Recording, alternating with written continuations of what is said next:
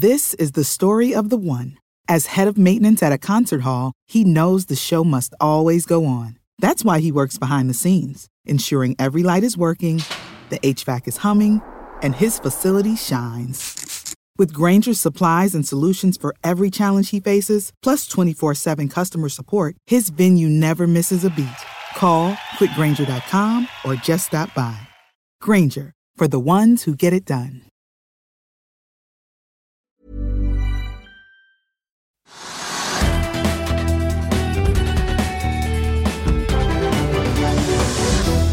En riktig god tirsdag alle sammen, og velkommen til Økonominyhetene her hos oss i Finansavisen. Mitt navn er Marius Lorentzen, på plass her på Smestadammen i Oslo. I det kalenderen viser 5. desember, en dag der regjeringspartiene sammen med Høyre og Frp vil åpne for gruvedrift på havbunnen. Boligprisene faller, i hvert fall før du ser på de sesongjusterte novembertallene. Vi får besøk av både prognosesenteret og får vi si, en nyetablert eh, eiendomsaktør med et kjent navn bak seg. Sveriges sentralbanksjef Erik Tedén sier at gjengkriminaliteten hos våre naboer kan være en trussel mot den økonomiske veksten deres. og Kjell Inge Røkkes Aker har klart å ta innersvingen på den fransk-amerikanske leverandørgiganten Teknip FMC. Mer om det mot slutten av sendingen. Men la oss sitte litt på nøkkeltallene i markedet akkurat nå. Hovedindeksen har jo hentet seg inn noe etter den surede nedgangen i går da på en drøy prosent. I dag har vi sett en oppgang på rundt kvartprosenten til rett under 1300 poeng. Oljeprisen fortsatt eh, ned i dag, ligger på rundt 77,50, og dermed risikerer vi å få den fjerde dagen med fall da etter OPEC-møtet forrige uke.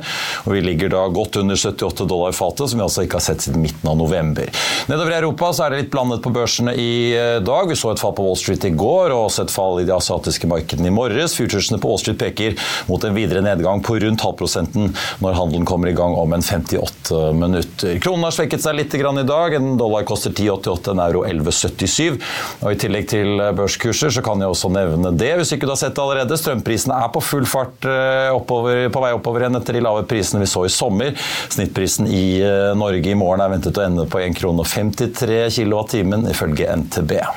Nå blir det kamp, sa Bellona i dag. Ubegripelig, sa SV. Og et trist hastverk, sa Nordeas Tina Saltvedt. Ja, vi må innom havbunnsmineraler, som jo navnene impliserer skal gi oss viktige mineraler som trengs til alt fra batterier til databrikker og annet som trengs i det grønne skiftet.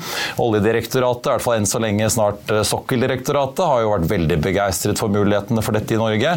Og en rekke selskaper har også begynt å jobbe med det som skjer ute på sokkelen. Samtidig så har miljøvernere og en del miljøfaglige miljøer advart om at vi ikke vet alt av konsekvensene av å utvinne dette ennå. I dag kom også nyheten da om at regjeringen sammen med Frp og Høyre etter flere ukers forhandlinger har blitt enige om å gradvis åpne for kommersiell gruvedrift på havbunnen i Norge, som et av de første landene i verden, og litt etter modell fra hvordan man håndterer oljeutbygginger på sokkelen.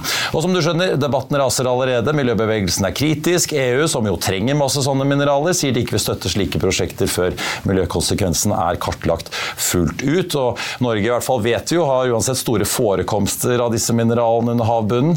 Og så vet jeg ikke om Høyre og Frp har tenkt på dette, men hvis man ser litt humoristisk på det, så kan jo dette også ses da på som en liten takk for sist fra Høyre og Frp til Venstre, som jo inngikk et forlik om lakseskatten med regjeringen, som jo kanskje gjør det vanskelig for de blå å bli kvitt den hvis de vinner valget neste gang. Venstre har nemlig vært på krigsstien i dag mot da Høyre og Frp. Og så er det mulig Sindre Finnes allerede har fått med seg dette, men nyheten om gruvedrift på sokkelen har slått ut på Oslo Børs i dag. Seabird, datterselskapet selskapet Green, Mineral, Green ja, Minerals har sett aksjen fyke opp rundt 50 i dag.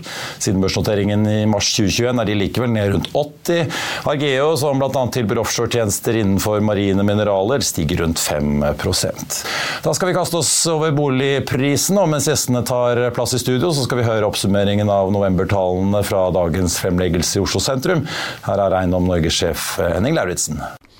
Vi tar først en titt på hvilke forventninger vi kan ha til november. Og vanligvis er november en svak måned i boligmarkedet. Hva så med november 2023? Boligprisene de sank nominelt med 1,3% i november. Korrigert for sesongvariasjoner steg boligprisene med 0,1% Svakest på Romerike med minus 1,7% og sterkest i Stavanger med pluss 2,2 Hittil i år har boligprisene i Norge steget med 1,3% nominelt. Eh, svakest i Bodø med Fauske, hvor de har sunket med 2,3% og sterkest i Stavanger, hvor de har steget med 8 i november er det solgt 6683 boliger. Det er 8,7% færre enn samme måned i fjor. Og 0,8% færre hittil i år enn samme periode i fjor. Det er lagt ut 6164 boliger for salg i november. Det er 16,8 færre enn eh, november i fjor. Og eh, pluss 0,9% lagt ut så langt i år sammenlignet med i fjor. Det tar 49 dager å omsette en bolig i Norge i november, mot 34 dager samme måned i fjor.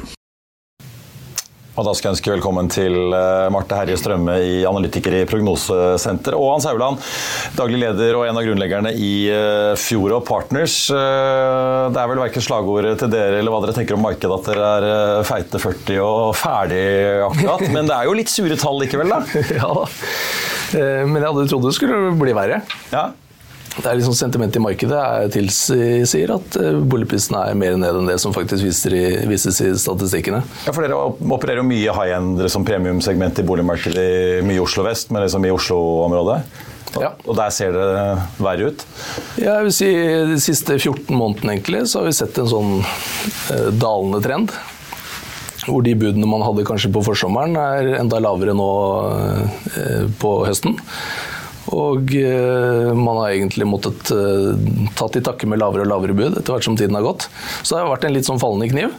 Men nå ser vi at det begynner å gjøres flere dealer, og at eh, selgerne ikke minst har is i magen og ikke er villige til å ta en mer biting.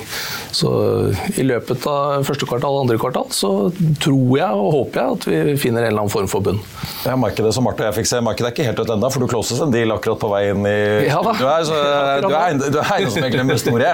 ja, Men når du snakker med bransjekollegaer ellers, eh, for du og Kalsnes har jo startet dette Fjord Partners, eh, sånn sett, men dere snakker jo med og følger jo mye med på hva som skjer ellers i markedet, antar jeg. Er det du beskriver omtrent treffende for det som gjelder Oslo-området litt bredere, eller? Ja, jeg tror i hvert fall i hvert fall prisklasse 20 pluss. Der er det litt tråere. Så når markedet begynner å falle, og vi liksom har vært på toppen, så er det jo eh, det dyrere segmentet som eh, får merke det først. Og så forplanter det seg litt nedover. Så nå ser vi også at de som gjerne skulle kjøpt seg en dyrere bolig, sliter med å få finansiert en dyrere bolig. Fordi renten har kommet såpass høyt opp. Marte, var dere overrasket i Prognosesenteret over eh, det tallet vi fikk i dag? Som Henning Lauritzen nevnte, november pleier jo å være en svak måned? Ja, vi deler jo litt av samme oppfatningen. At vi trodde, eh, som veldig mange andre, at markedet nå skulle kjenne det litt mer. Og at vi kanskje til og med ville ha nærmet oss en nominell nedgang på 2% Men igjen ble vi overrasket, og til og med sesongkorrigert så var vi jo på plussiden. Eh, så det kan jo også tilsies også noe av den veldig svake nedgangen vi hadde i fjor. Da, den spiller jo også ut spesielt på sesongkorrigeringene nå. Men hadde, vi hatt, eller hadde den vært helt far off, så ville vi jo også sett nominelt en større nedgang. Så det er jo fortsatt overraskende at markedet ikke har falt mer. Det tyder jo kanskje på at eh, de som ikke må selge, de venter fortsatt. Og håper fortsatt på å få en bedre prisantydning enn markedet har vært villig til å betale. Så da trekker de boligene og, og venter kanskje til over nyttår, til eh, januaroppgangen kan komme igjen i 2024. Eh, så ja, nei, jeg ble fortsatt overrasket, ja. ja for det er jo, Man må jo faktisk ha transaksjoner for å bokføre at prisene stiger eller faller. Da. Ja. Men jeg så antallet boliger lagt ut eh, er jo ned 16% fra november i fjor, da, til litt over 6000 etter, Men ja, likevel ikke, noe, ikke noe ned sånn så langt i år, hvis du legger sammen? Nei, Totalt sett i år er vi vel tilnærmet uendret fra i fjor. Og det, i fjor var det jo tross alt et ganske sterkt marked sånn året over. Så det er jo fortsatt overraskende, men vi så jo nå at eh, både antall boliger som ble lagt ut for salg, og antall transaksjoner i november alene, det falt litt sett sammenlignet mot november historisk sett, i hvert fall de siste fem årene. Så det kan jo også presse opp prisene noe, at tilbudet også blir noe svakere i november, så vi derfor ser en litt svakere nedgang i november måned. Men allikevel ganske sterkt marked. Går folk og venter på hva Ida Wolden skal gjøre neste, det er vel neste torsdag Ja, på litt, jeg, rentemøtet? jeg tror mange gjerne vil ha den tryggheten om at nå er vi ferdige. Ja. At vi topper ut verre, på et ja. eller annet nivå, og at neste tikk er ned. Mm. Da skjer det nok noe. For det er, eh, det er ganske mange som sitter på sidelinjen og gjerne skulle kjøpt, men som avventer bare pga. at de syns det er litt usikkert om dagen. Hvor viktig blir den rentebeskjeden neste uke? Jeg tror den vil være avgjørende for de månedene vi vil se framover. Om vi får enda en heving, så tror jeg nok vi vil se en ganske svak utvikling godt så langt ut i 2024. Men dersom de nå sier at vi er på topp, så skaper jo det som du sier, veldig mye bedre forutsetninger og stabile forutsetninger for kjøpere og selgere i markedet. Så det vil jo være avgjørende definitivt for, eh, for månedene Ja, for Da vil kanskje noen begynne å være redd for at det kanskje ikke er over hvis det kommer en renteøkning nå. Selv om eksperten vil si at det blir den siste, så vil jo kanskje noen gå og kjenne på det? Det kommer litt an på kommunikasjonen de gir også. Ja. Ja. Men eh, jeg tror de fleste, ser du på lange renter, så er jo de begynt å tikke ned. Og i hvert fall i USA har de tikket ganske bra ned. Men hvordan opplever dere bankene er det? Er de veldig strenge nå? Litt usikre de òg, eller? Ja, du kan si du er jo altså under eh, covid så var det jo 2% i banken, eh, og stresstesten lå vel rundt 5% og vi har jo bikket det nå. Så det er ikke så lett å få lånt så mye mer. Ja, nei, det, og dersom vi skal komme enda høyere opp, så tror jeg vi kommer til å se en større nedgang. Særlig som du nevner i de dyrere segmentene, der også gjeldsbelastningen er høyere for en økonomi. Det er jo der du gjerne ser det først. Og selvfølgelig også på de mindre objektene, men relativt til disponibel inntekt. Da. Der hvor gjeldsbelastningen er høyest, så vil vi potensielt se større, større nedgang også fremover. Om vi skal få enda en renteheving oppå de som allerede er, som jeg tror veldig mange husholdninger egentlig ikke har fått ordentlig spillet ut i økonomien sin enda. da. Eh, Gitt at renteøkningen i september faktisk blir merkende, merkbar i nettbanken først. Ja, den kommer nå. Typ nå, Ja. ja. Samtidig som du skal handle inn julegaver og alt mulig annet. Så Og sparepengene Det begynner å ta slutt. Ja, kald og kjip januar. Ja, det det, altså. Men apropos det, folks evne til å sette seg på gjerdet. da. Altså, folk skiller seg jo, noen dør. Noen ganger blir jo ting bare De må ut i markedet. Ja. Og Det er- noen kan jo på en måte sette seg på gjerdet, men de kan jo bare gjøre det et kvartal, to, tre kanskje, før de enten overtar en ny leilighet eller et nytt hus, eller de blir tvunget. Hvordan tolker du selv liksom, den evnen til å magasinere opp objekter? Jeg tror, ja, altså Vi nordmenn vi er flinke til å tilpasse oss. Eh, Så må vi spare, så sparer vi inn på det vi kan. Eh, Men jeg syns det er overraskende fullt på restauranter rundt omkring. Og jeg syns folk bruker mye penger til at det er relativt dårlige tider. Eh, Men har du ikke råd til å bo, så flytter noen hjem til mor og far, og så leier de ut en periode, og så leier de ut litt på Airbnb. og så eh, Man er flinke til å tilpasse seg, og boligen er liksom det siste man uh, kvitter seg med. Og den tviholder man på så lenge man kan. Og så har vi en sånn eierkultur i Norge hvor selv det å eie en toroms for en førstegangsetablerer er jo relativt mye dyrere enn å eh, leie den samme boligen, akkurat sånn som markedet er nå. Men over en lengre tidsperiode så sparer man inn det relativt sett ved at eh, boligprisene stiger.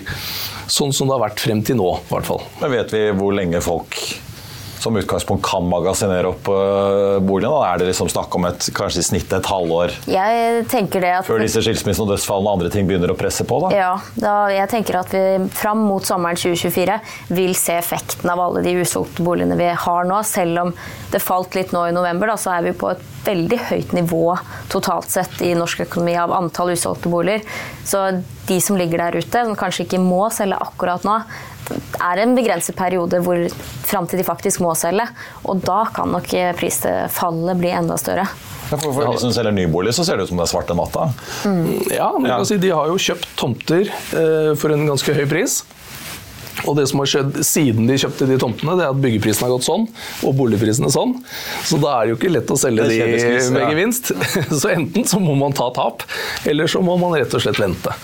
Men tror dere at vi får dette famøse rekylet da, når øh, ting normaliserer seg og vi da ikke har hatt en god del boligprosjekter satt i gang, sånn at det blir den øh, lag-effekten som slår inn? Vi Ja. har jo en litt sånn vond historikk i Oslo om kraftig tosifret vekst. Det var vel i 2016 vi nærmet oss 20 eller lå rundt 20% Ja, Det er vanskelig å si, men da må rentene lenger ned. For folk skal få låne penger også, eh, og låne mer penger og tjene mer penger for å dytte boligprisene opp. Så det, ikke, det går ikke bare på inventory. Hva tror dere, Marte? Så living Eving i Eiendomsmeglerforbundet er ute og frykter det?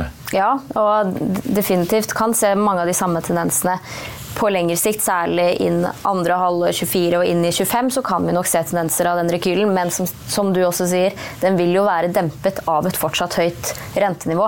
For selv om vi skulle få et rentekutt eller to i løpet av 2024, så er jo fortsatt renten på et relativt høyt nivå. Og vi vil fortsatt ikke se de langsiktige effektene av rentene på ganske lang tid. Det tar jo en god stund før alle effektene er implisert i økonomien. Så rekyl, ja, men eh, begrenset. Jeg tror ikke vi ser 20 eh, opp igjen som i 2016 med det første. Nei.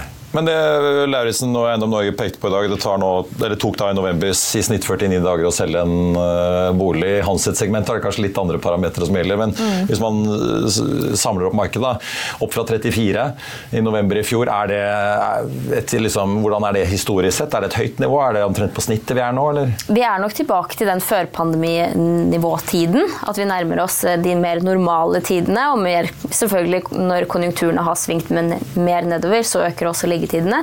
Og det viser jo i antall usolgte boliger. Det hoper seg opp når vi ikke får solgt unna de boligene som faktisk blir lagt ut. Jeg, jeg tolker det ikke foreløpig som noe dramatisk økning. Ja, det er høyere enn i fjor, men ser vi lengre tilbake på historikken, så har vi hatt høye nivåer på liggetiden også før. Ja. I premiumsmøtet er det kanskje litt vanskelig å si, for det er jo flotte eiendommer som kan koste ja, tresifret eh, millionbeløp. Som de kan jo ligge ute ja. holdt jeg på å si, år før du plutselig finner den rette eieren, men det er vel fordi det er såpass små markeder? Du kan si Det er jo det er mange som har flyttet nå, ja, formuende personer. Så det har jo vært eh, nettosalg, og da skal jo prisene ned. Og så må man jo liksom demme opp for de som har flyttet. da. Og det tar litt tid. Eh, på den annen side så er det sånn at eh, de aller beste objektene de kommer jo enten for salg når man må selge de, eller fordi man får en såpass god pris at eh, det er greit å kvitte seg med det. Og der vi er nå, så er det mange som må ta en lav pris, men så har vi også de som sier at jeg skal ha den eller den boligen, og der oppnår vi fortsatt gode priser. Mm. Ja, Det gikk jo en famøs eiendom for en halv milliard på bygda her om dagen. Ja. ja. Det tilhører vel sjeldenhetene, men eh, det, merker dere den eh, Sveits-effekten eh, fortsatt, at det er mange som flytter? Ja. Det har jo vært noen profilerte boligsalg liksom, i det segmentet? Ja da, ja. men det begynner, det begynner å, å, komme kjøpere inn i markedet. Fordi prisene har kommet ned på et nytt nivå. Så bare siden oppstart nå så har vi gjort masse dealer, og senest uh, siste uke har vi gjort fire i prisklasse over 30 millioner. Så det rører seg. Det er ikke dødt. Ser dere noe til det i statistikken, eller er det litt sånn kuriosa som eh, Hans og, og vi omtaler i våre spalter innimellom? Ja, akkurat det segmentet der kan jo opptre helt eh, i, i hytt og gevær, vil jeg tørre å påstå. For det er jo avhengig av veldig mange andre variabler og eh, inntekter som ikke nødvendigvis følger den vanlige rentebelastningen og renteutviklingen eh, resten av markedet opplever. Eh, men selvfølgelig Eh, markedet utvikler seg jo eh, også der. Og vi ser jo nå at kanskje markedet har funnet en, en bedre prisstabilitet da, i det markedet du nevner. At, at eh, rett og slett selgerne har sett seg nødt til å ta, godta lavere prisantydninger enn det de ventet før. Men markedet er villig til å betale den prisen. Motsatt til kanskje det vi ser resten av markedet. Da, at vi har ikke funnet den nye likevektsprisen ennå. Men kjøperne har også funnet ut at eh, det kommer ikke flust av sinnssykt gode objekter på billigsalg. Eh, så på et eller annet tidspunkt så må de begynne å handle. Eh, så når de ser at de har en god deal, så er den kanskje ikke der neste år. Og det er vel derfor også folk har kommet litt mer ned fra gjerdet siste perioden. Ja. Er det, I segmentet som dere opererer i, er, er, det mange utlendinger som ser på Norge nå med billig krone og ja, plutselig en del veldig attraktive eiendommer? Sikkert både på si, ved sjøen og til fjells og i, i hovedstaden som man kan Ja, vi eh, skulle gjerne sagt ja. Eh, vi har masse av det. Men det er ikke så mange utlendinger som ser Norge som attraktivt. Og vi er jo ikke akkurat noen metropol heller. Men det er faktisk eh, utenlandske fond og andre som ser på eh, det å ta et lite jafs av boligmarkedet og sitte stille, eh, leid ut en periode.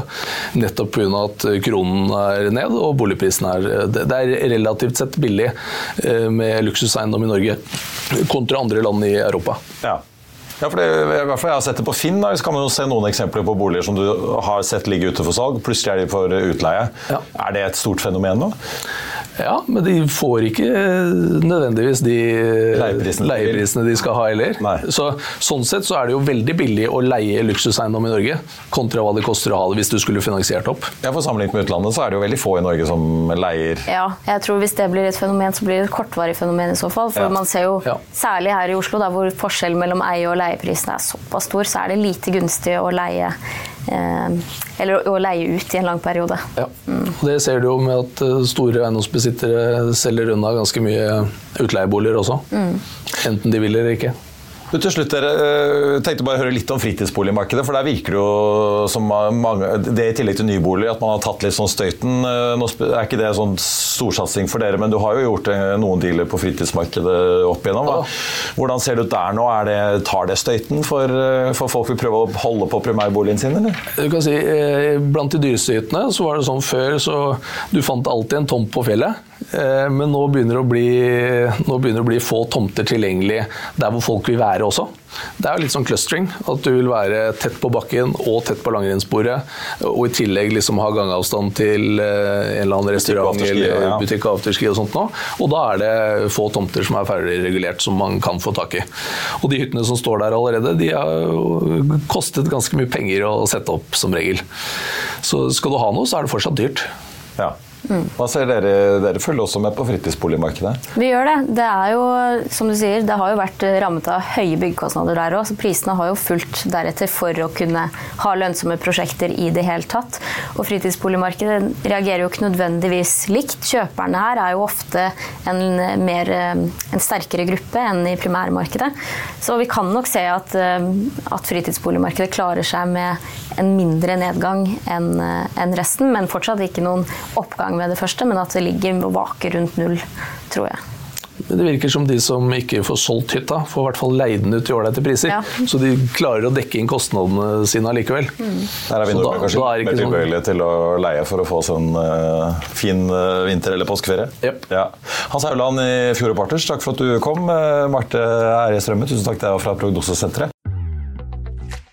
Vil du bli oppdatert på det viktigste som har skjedd innen finans og næringsliv? Da er det bare å følge med, for hver morgen er jeg, Marius Lorentzen og aksjekommentator Karl Johan Malnes på plass i studio for å ta tempen på dagens marked i Børsmorgen. Og hver ettermiddag oppsummerer vi alt du trenger å vite i økonominyhetene, og det blir selvfølgelig masse interessante gjester. Klikk deg inn på fa.no-tv, eller søk opp Børsmorgen og Økonominyhetene der du hører på podkast.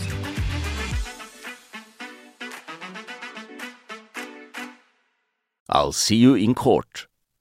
Vi sier det ofte litt på spøk, men for deg som driver business, er det aldri moro å innse at du ikke har laget en 100% gyldig kontrakt. Du bør ikke risikere hele firmaet ditt fordi du synes dette med kontrakter er litt stress. En avtale er ikke en avtale. Du kan miste kunder, miste venner, ja, til og med miste inntekter om du ikke lager en skikkelig kontrakt, på alt mulig, egentlig. Men vi vet det er et styr kopimaskiner, tregprinter og haugevis av papir. Dessuten stoler vi jo på folk her i landet. Det er ofte litt kleint å skulle be om en signatur for alt mulig, ja, for mye av styret handler også om jakten på underskriften. Det finnes en enkel måte å løse dette på, Dukkobit, en trygg, effektiv og get this, gratis måte å sikre seg en god natts søvn pluss en juridisk bindende avtale. Dukkobit-appen har de strengeste sikkerhetskrav i bunn, samt en EU-godkjent og sertifisert teknologi. Framover vil det bli behagelig å spørre du, skal vi skrive under på det, eller? Kom i gang på dukkobit.no. En annen eh, nyhet som jeg syns er verdt å nevne, og som mange kanskje ikke har fått med seg, det er at Kjell Inge Røkkes Aker har skåret 1-0 får vi si, i karbonfangstkampen mot eh, Teknip FMC. Egentlig skulle nemlig det store fransk-amerikanske oljeservicekonsernet levere karbonfangst til avfallsanlegget på Klemetsrud her i Oslo, slik de også eh, skal gjøre i, hos Norcem i Brevik. Nei, unnskyld, det var det Aker som skulle. Men denne uken så meldte altså Aker Carbon Capture at de har vunnet en feed-kontrakt med Hafslund Celsio på Klemetsrud, og dermed får de da også dekket Norcem i Brevik, får jeg si. Og Hafslund bekrefter overfor Finansavisen at Teknip FMC er ute, og at Aker Carbon Capture altså er inne i kampen om å levere fangstanlegget, idet man de siste tiden altså har jobbet intenst med å få kostnadene ned etter en stor kostnadssprekk på prosjektet. Det er fortsatt ikke klart hvem som skal levere lagringsløsningen og transporten videre til bunnen av Nordsjøen fra Klemetsrud. Det kan bli via Oslo havn eller en annen havn, og det skal avklares neste år. Aker Carbon Capture leverer for øvrig også fangstanlegg til danske Ørsted, som denne uken har startet byggingen av eh, karbonfangstanlegg ved to av sine fossile kraftverk i eh, Danmark. På Oslo Børs nå er hovedveksten opp 0,3 så vi har hentet oss litt inn, som sagt, etter fallet i går, men likevel fortsatt under 1300 poeng. Tenkte også bare å nevne at Sparebanken Markets oppgraderer Equinor og Blue Nord, gamle Norwegian Energy Company, fra nøytral til kjøp på begge to. Høyere estimater og svak aksjekursutvikling den siste tiden er årsaken til dette, melder TDN. For 2024 forventer vi et mer balansert oljemarked enn for 2023. Støttende faktorer er en disiplinert OPEC pluss-strategi og tilsynelatende høyere break-even-priser for amerikansk skiferolje. Det skriver da Sparebank1 Markets i denne oppdateringen. Common Sachs høyner kursmålet på Entra til 78 kroner eh, fra da 64 tidligere. Den aksjen har vi sett stige rundt 3% til litt over 105 kroner stykket i dag. Og Pga. manglende finansiering så anbefalte styret i hydrogenselskapet Hyon tidligere i år at selskapet skulle avvikles. Nå melder selskapet at salgsprosessen går bra, men det forventes at tidslinjen vil strekke seg inn i første kvartal til neste år. For å styre denne prosessen er Harald Bjørn Hansen utnevnt til midlertidig administrerende direktør. Aksjen faller nesten 20% i dag, ned til et par og 20 øre. Og så er det Nordic Mining. Vi snakket om gruvevirksomhet, men nå skal vi til gruvevirksomhet holdt jeg på land. Nordic Mining de startet da mekanisk installasjon ved flere områder av prosessanlegget på Engebø i Sunnfjord. og Meldingen fra selskapet har sendt den aksjen opp en 3-4 i dag til snaue kronen, etter en oppgang da på 50% de siste tre månedene.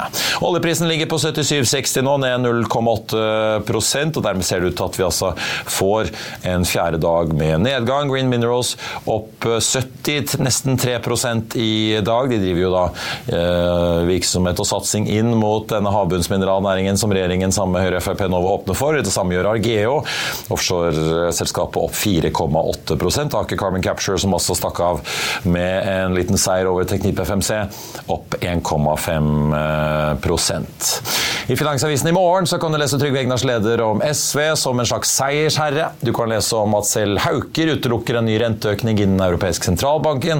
Du kan lese om at mens en storeier har dumpet aksjer i eiendomsselskapet KMC, så har en eiendomscall Cowboy kjøpt seg opp. Og du kan lese om hvilke aksjer der det er mest, nei, hvilke bransjer der det er mest eh, hjemmekontor. Og så kan du lese om hvordan noen mener Rysta Energy tok livet av havvind da de omtalte kjernekraft. Det var det vi hadde for deg her i dag. Husk at vi er tilbake igjen med Børsmorgen 08.55 i morgen, deretter med Økonominyhetene 14.30. I morgen så kommer også skattelistene, får jeg si. Det blir det en bred pakke om fra veldig tidlig i morgen tidlig på fa.no. Hvis ikke du er så interessert i det, så kan jeg friste med at vi skal snakke om atomkraft her på torsdag i Økonominyhetene så det er bare å glede seg til det. Mitt navn er Marius Lorentzen. Tusen takk for at du så eller hørte på, og så håper jeg vi ses igjen da i morgen.